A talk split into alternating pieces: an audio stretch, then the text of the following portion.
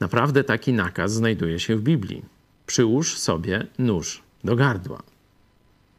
No, ale każdy nakaz y, ma swój kontekst i jeśli nie rozważymy kontekstu, to jakieś głupoty mogą nam przyjść do głowy. Sprawa jest dosyć, e, jakby to powiedzieć, patrząc na tło tego, co widać, dość y, przyziemna.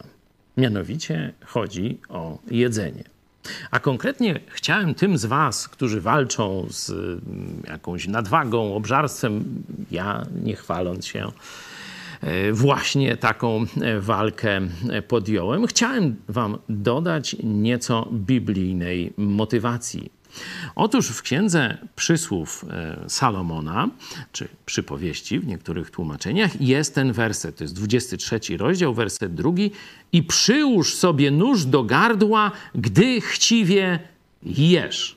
Kontekst jest tego, że jesteś nauczcie ubogacza możesz jeść wszystko, nie? Smakołyki, takie śmakie.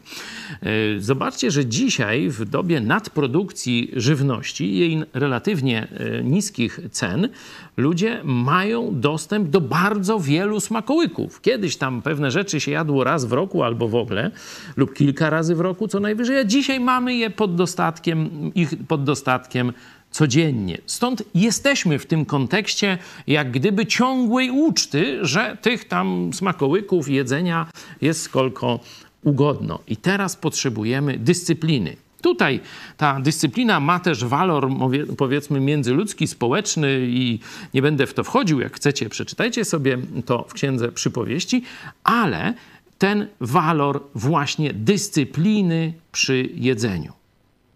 Bóg mówi jasno: jeśli już z czymś masz kłopot, to nie pomogą delikatne metody. To musisz przyjąć drastyczne metody, stąd to straszne porównanie. Przyłóż sobie nóż do gardła, kiedy jesz i kiedy wszystko cię dookoła kusi. Oczywiście, no nie będę chrześcijanom mówił, że do dyscypliny potrzebujemy mocy Jezusa Chrystusa, mocy Ducha Świętego w nas. Ale jedno przesłanie. Chcesz zmienić trudną sprawę w swoim życiu, musisz być radykalny.